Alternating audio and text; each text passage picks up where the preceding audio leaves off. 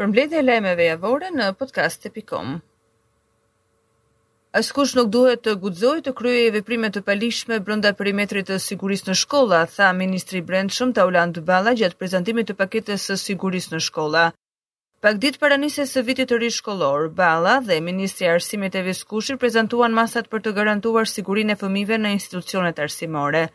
Kur prindërit dhe gjyshërit i çojnë fëmijët në shkolla ata ia dorëzojnë shtetit, që premtoi se fëmijët nuk do të jenë të përfshirë në akte dhune, bullizmi, konflikti, aksidentesh apo konsumi të lëndëve narkotike.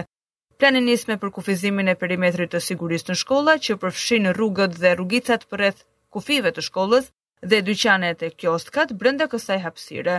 Ky perimetër do të jetë të paktën pesëdhjetë metër rreth gardhit kufizues të secilës shkollë. Pas kësaj, Balla tha se do të propozohet një paketë ndryshimesh ligjore për ashpërsimin e dënimit për veprat penale që kryhen brenda perimetrit të shkollës. Për punonjësit e policisë që me veprimet apo mosveprimet e tyre bëhen bashkëpunëtorë të krimeve që kryhen në perimetrin e sigurisë, do të përjashtohen përgjithmonë nga radhët e Policisë së Shtetit, ndërsa bizneset tregtare që do të përfshihen në veprimtari penale do të përballen me forcën e ligjit deri në konfiskimin e pasurive, theksoi ministri. Masat përfshijnë edhe garantimin e sigurisë rrugore, dënime të ashpra për shoferët që tejkalojnë shpejtësinë dhe shkelin rregullat e qarkullimit rrugor, ndërsa mjetet që do të përdoren për transportin rrugor duhet të jenë me logo të dukshme, dhe të jenë njësoj në të gjithë vendin. Kontrolle të shtuara për ushqimin do të kërkohet nga Agjencia Kombëtare e Ushqimit, ndërsa bashkive do t'u kërkohet një plan inspektimesh për verifikimin e situatës në perimetrin e shkollave. Balla shtoi gjithashtu se do të ngrihet një task forcë e posaçme e kryesuar nga prefekti i Qarkut për të siguruar marrjen e masave brenda perimetrit të sigurisë në shkolla. Ish-kryeministri Fatos Nano vijon të qëndrojë në gjendje të rëndë por stabël shëndetësore. Mjekët pohojnë se ai po mbahet në reanimacion për shkak të insuficiencës respiratore ose pamjaftueshmëria e mushkërisë për të funksionuar normalisht dhe furnizuar me sasinë e duhur organizmin me oksigjen. Ish-kryeministrit i është kthyer problemi kronik respirator që në gjuhën mjekësore njihet si SPOK, sëmundja pulmonare obstruktive kronike. Sëmundja pulmonare obstruktive kronike prek mushkëritë dhe karakterizohet nga një ngushtim i parikthyeshëm ose pjesërisht i rikthyeshëm i rrugëve respiratore. Ky ngushtim zakonisht është progresiv dhe shoqërohet me një përgjigje inflamatore dhe jonormale kronike të mushkërive kundrejt grimcave të pluhurit dhe monoksidit të karbonit. Studimet ndërkombëtare kanë treguar se kjo sëmundje është shkaktari i tretë më i madh i vdekjeve në botë. Në Shqipëri kjo patologji nuk njihet mirë dhe shpesh ngatërrohet në diagnostikim. Megjithatë dyshohet se 5% e qytetarëve në Shqipëri vuajnë nga kjo sëmundje. Shqipëria iu përgjigj me të njëjtën ashpërsi diplomatike deklaratave të ministrit të jashtëm grek që tha se mbajtja e Fredi Belerit në paraburgim është një vendim politik. Nuk ka mundësi që miqtë dhe fqinjët tanë grekë të jenë të vetmit që kanë të drejtë, por këmbëngulin në një kërkesë të rrëzuar nga gjykata shqiptare dhe të qartë për miqtë dhe partnerët tanë, të cilët thonë se kjo është një çështje e drejtësisë shqiptare. deklaroi ministrja e Jashtme Olta Xhaçka. Organet e reja të drejtësisë shqiptare kanë folur qartë me vendimet e tyre. Vijon reagimi edhe qeveria shqiptare ka folur qartë po ashtu.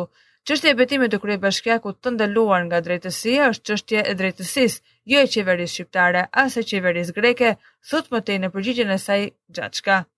Kryeministri Edi Rama ka inspektuar ecurinë e punimeve në lagjen Rilindja në Durrës, ku janë përfunduar rreth 996 apartamentet që do të strehojnë familjet e prekura nga tërmeti në zonën e Bashkisë së Durrësit. Rama thotë se kjo për 5 vjet do të jetë një ndër lagjet më të bukura pa diskutim. Është e gjitha e ndërtuar nga hiçi me hapësira dhe me të gjitha gjërat që do të vijojnë të ndërtojnë rreth e rrotull. Punimet në lagjen Rilindja janë në një fazë të avancuar për sa i përket rrjetit kryesor të infrastrukturës. Rrugët janë të përfunduara dhe janë vendosur të gjitha elementet e ndriçimit. Policia rrugore ka ushtruar kontrolle dhe ka gjobitur disa drejtues mjetesh që lëvizin me fëmijët në makinë pa sistemet e fiksimit. Në videot e publikuara nga Policia e Shtetit vihen re raste të ndryshme ku fëmijët janë ngjitur në pjesën e sipërme të hapur të makinës apo janë ulur në vendin e parë të pasagjerit me prindërit pa sistem fiksimi. Në njoftimin e policisë thuhet se kushdo që nuk përdor rripat e sigurisë dhe sistemet e fiksimit të parashikuara nga pasagjerët deri në moshën 12 vjeç, ndëshkohet me masë administrative nga 5.000 deri në 15.000 lekë të rinj. Më tej bëhet me dije se kur shkelja i takon një fëmije në moshën jo madhore, përgjegjësia bie mbi drejtuesin e mjetit ose mbi atë që është ngarkuar për mbikëqyrjen e fëmijës. Në kuadër të parandalimit të krimeve kufitare, shërbimet e policisë në Rinas në bashkëpunim me autoritetet doganore kanë arrestuar në flagrancë një shtetas amerikan 23 vjeç. Gjatë kontrollit në valixhet e këtij shtetasi janë gjetur mallra të ndryshme që ai nuk i kishte deklaruar në doganë siç përcaktohet me ligj. Mësohet se mallrat e padeklaruara ishin veshje dhe aksesorë të ndryshëm si dhe disa fatura me vlerë më shumë se 14000 dollarë. Në cilësinë e provës materiale janë sekuestruar veshjet dhe aksesorë të markave të ndryshme, ora dore, syze dielli, çanta dhe produkte të tjera të cilat kapnin vlerën rreth njëqind e pesëdhjetë mijë euro. Mbi shtetasin amerikan rëndon vepra penale kontrabandë me mallra të tjera. Sakaq materialet procedurale i kaluan prokurorisë pranë gjykatës së shkallës së parë të juridiksionit të përgjithshëm në Tiranë për veprime të mëtejshme hetimore. Një efektiv i policisë së Tiranës dhe vëllai i tij janë dhunuar nga një grup personash në rrugën Besim Alla në Tiranë, teksa kanë qenë duke lëvizur në këtë zonë. Një grup personash i kanë dalë para dhe kanë ndaluar efektivin me iniciale EF që ishte në makinë me vëllain e tij me iniciale BF. Nga informacionet bëhet me dije se ata kanë kërkuar një shumë parash vëllait të efektivit pasi pretendonin se borxhi Dhe konflikti mes tyre ishte i vjetër. Në konflikt e sipër efektivi që ishte jashtë shërbimit dhe vëllai i tij u dëmtuan me sende të forta. Sipas policisë ata janë dërguar në spital për shkak të dëmtimeve të marra dhe ndodhen jashtë rrezikut për jetën. Gjatë konfliktit shtetasit EF i ka rënë arma e shërbimit në tokë e cila është gjetur më pas në vendngjarje. Sakaq shtetasit me iniciale EF dhe BF janë jashtë rrezikut për jetën. Grupi hetimor po punon për sqarimin e plotë të rrethanave të konfliktit dhe identifikimin dhe kapjen e personave të tjerë të përfshirë në këtë ngjarje. Ndoqët përmbledhjen e lajmeve javore në podcast.com.